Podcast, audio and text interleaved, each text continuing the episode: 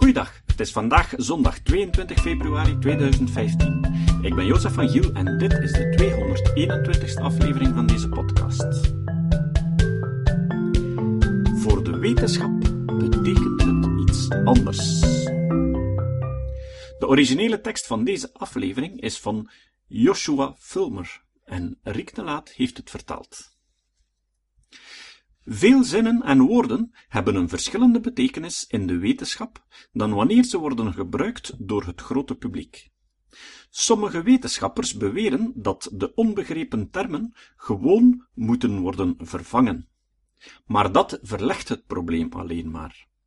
Als theorie wordt vervangen door een ander woord, dan is het bijna onvermijdelijk dat het nieuwe woord ook zo nu en dan misbruikt zal worden.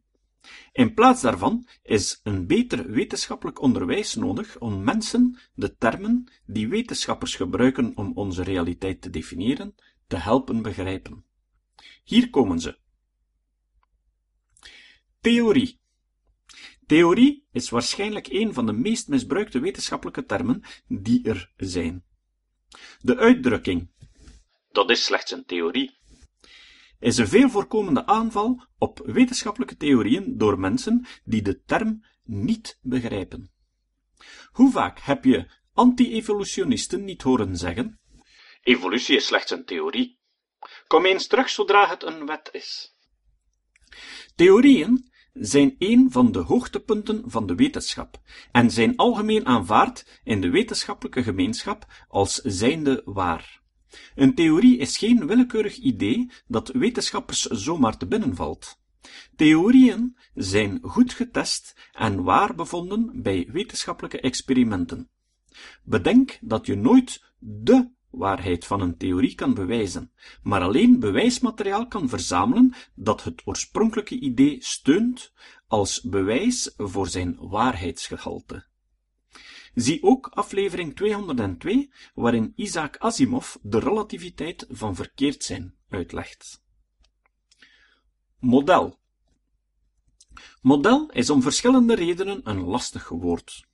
Ten eerste is, in de meeste contexten, een wetenschappelijk model een manier om een bepaalde natuurlijke gebeurtenis te kwantificeren om ons te helpen ze beter te begrijpen. Ze variëren in het precieze gebruik van de definities in de verschillende gebieden van de wetenschap, maar het idee blijft hetzelfde. Wetenschappers spenderen een hoop tijd om concurrerende modellen met elkaar te vergelijken, met het verfijnen van hun modellen en in het algemeen om het model zo nauwkeurig mogelijk te maken. De overweldigende consensus van de klimaatverandering komt van onze klimaatmodellen. Naarmate we meer data verzamelden en de manier waarop de biosfeer werkt bestudeerden, werden we in staat om onze klimaatmodellen te verfijnen. Dit gaf ons meer stukjes van de klimaatpuzzel. Dat leidde tot de verontrustende conclusie dat de huidige menselijke activiteit een ernstige en ongunstige invloed op het milieu heeft. Scepticus. Wees sceptisch, maar wanneer je bewijs krijgt, aanvaard het dan ook. Dat citaat van Michael Spector beschrijft briljant wat echte sceptisch zou moeten zijn.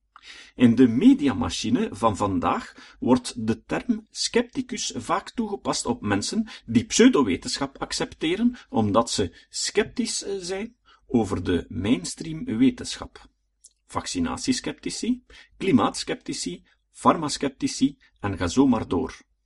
De term geeft deze mensen, en andere soortgelijke groepen, wat te veel krediet. Over het algemeen negeren ze bewijzen en indicaties.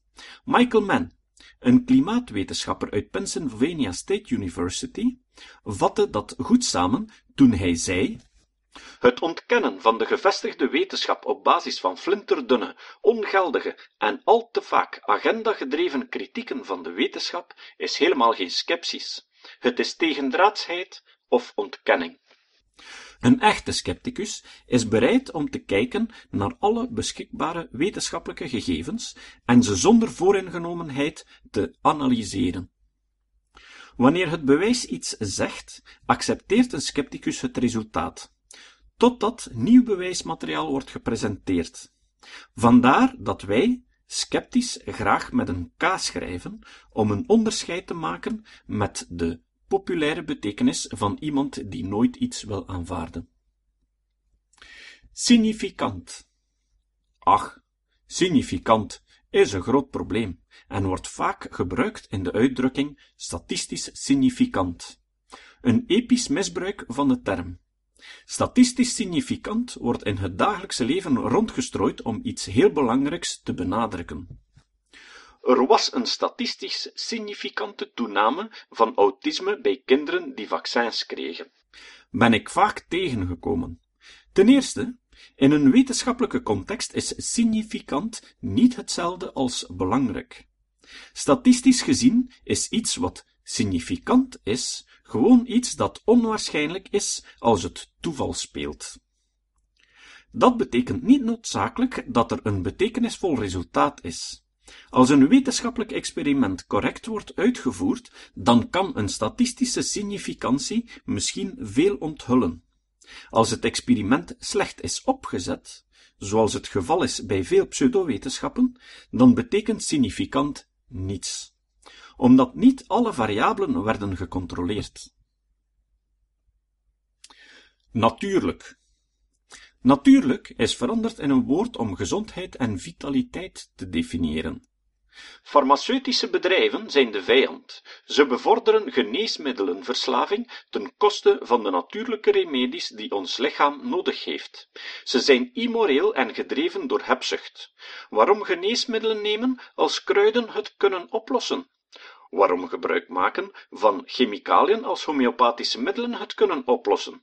Het is tijd dat we allemaal natuurlijker gaan leven met natuurlijke medische alternatieven. Dit citaat komt uit Tim Minchin's Storm, een opsomming van alle argumenten over natuurlijk. Natuurlijk is een term die vaak gelijkgesteld wordt met gezondheid en vitaliteit. Een natuurlijk geneesmiddel is altijd beter dan het lichaam volpompen met stoffen uit een laboratorium. Ten eerste is niet alles dat natuurlijk is goed voor je. Natuurlijk betekent gewoon bestaande in de natuur. Arsenicum is natuurlijk, en ik ben er vrij zeker van dat je het niet wil als natuurlijke remedie. Zelfs natuurlijke dingen die goed voor je zijn, moeten alleen met mate worden ingenomen, met inbegrip van zout en water.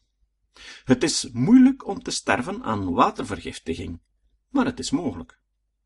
Zelfs met behulp van de pseudowetenschappelijke definitie van wat natuurlijk is, zijn alternatieve, natuurlijke geneesmiddelen niet altijd gezond. Advertentiebedrijven die natuurlijke producten aanprijzen, staan bekend om allerlei frauduleuze claims en wanneer mensen natuurlijke remedies kopen in plaats van echte medicijnen, kunnen een aantal ernstige gezondheidsproblemen optreden. Chemisch nu we het hebben over natuurlijke remedies, moeten we chemicaliën vermelden. De anti-fluoride-beweging krijgt wind in de zeilen door fluoride een chemische stof te noemen en te zeggen dat het verkeerd is om het toe te voegen aan het drinkwater, omdat we geen slechte chemicaliën willen slikken. Wetenschappelijk gezien zijn alle stoffen chemicaliën. Een chemische stof is iets dat wordt onderzocht in de chemie. Dat is zo'n beetje alles wat gemaakt is van atomen. Vermits deeltjesfysica niet onder chemie valt, zijn atomen zo ongeveer het kleinste waar ze zich mee bezighouden. Zuurstof, water, stikstof, alles wat je eet, drinkt en gebruikt, zijn chemicaliën. Er zijn chemische stoffen die nodig zijn voor het leven, en er zijn er die mensen en andere dieren snel doden. Een teveel van elke chemische stof zal je doden, en niet genoeg binnenkrijgen van een aantal andere doet dat ook. Het probleem met de heersende cultuur van wetenschappelijke ongeletterdheid ligt bij het schoolsysteem. In Amerika en andere delen van de wereld krijgen midden- en middelbare scholen geen rigoureuze wetenschappelijke opleiding. Deze termen worden dan verkeerd geïnterpreteerd en als gevolg daarvan krijgen we een hoop ontkenning van wetenschappelijke feiten en een wantrouwen ten opzichte van het wetenschappelijke proces. Doe dus je best en vergeet de echte definitie van deze woorden niet de volgende keer dat je ze hoort gebruiken in een gesprek. Het citaat. Het citaat van vandaag is van Isaac Newton. Newton zei: Ik was als een jongetje dat speelde op het strand. Ik amuseerde me met nu en dan een gladdere kei of een nog mooiere schelp te vinden, terwijl de grote oceaan van de waarheid volledig onontdekt voor mij lag. Tot de volgende keer. Deze podcast is het resultaat van het werk van veel mensen. Rick de Laat verbetert bijna al mijn teksten en maakt de meeste vertalingen. Emiel Dingemans verzorgt onze website en Facebookpagina. Ook Leon Korteweg en Stefan Sutens schrijven, vertalen of verbeteren soms artikelen.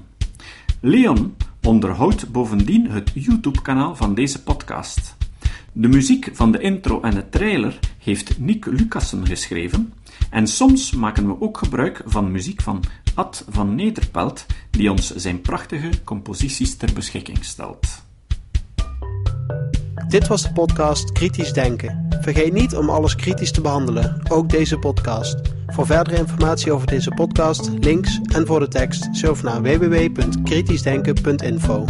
Als je deze podcast belangrijk vindt, kun je me steunen door anderen warm te maken ook eens te luisteren. Stuur een e-mail naar vrienden met een link naar de website en plaats de link in de handtekening van je e-mails. Tevens kun je op iTunes deze podcast een beoordeling geven of een recensie schrijven. Of je kan op je eigen website of blog een link naar kritisch denken plaatsen.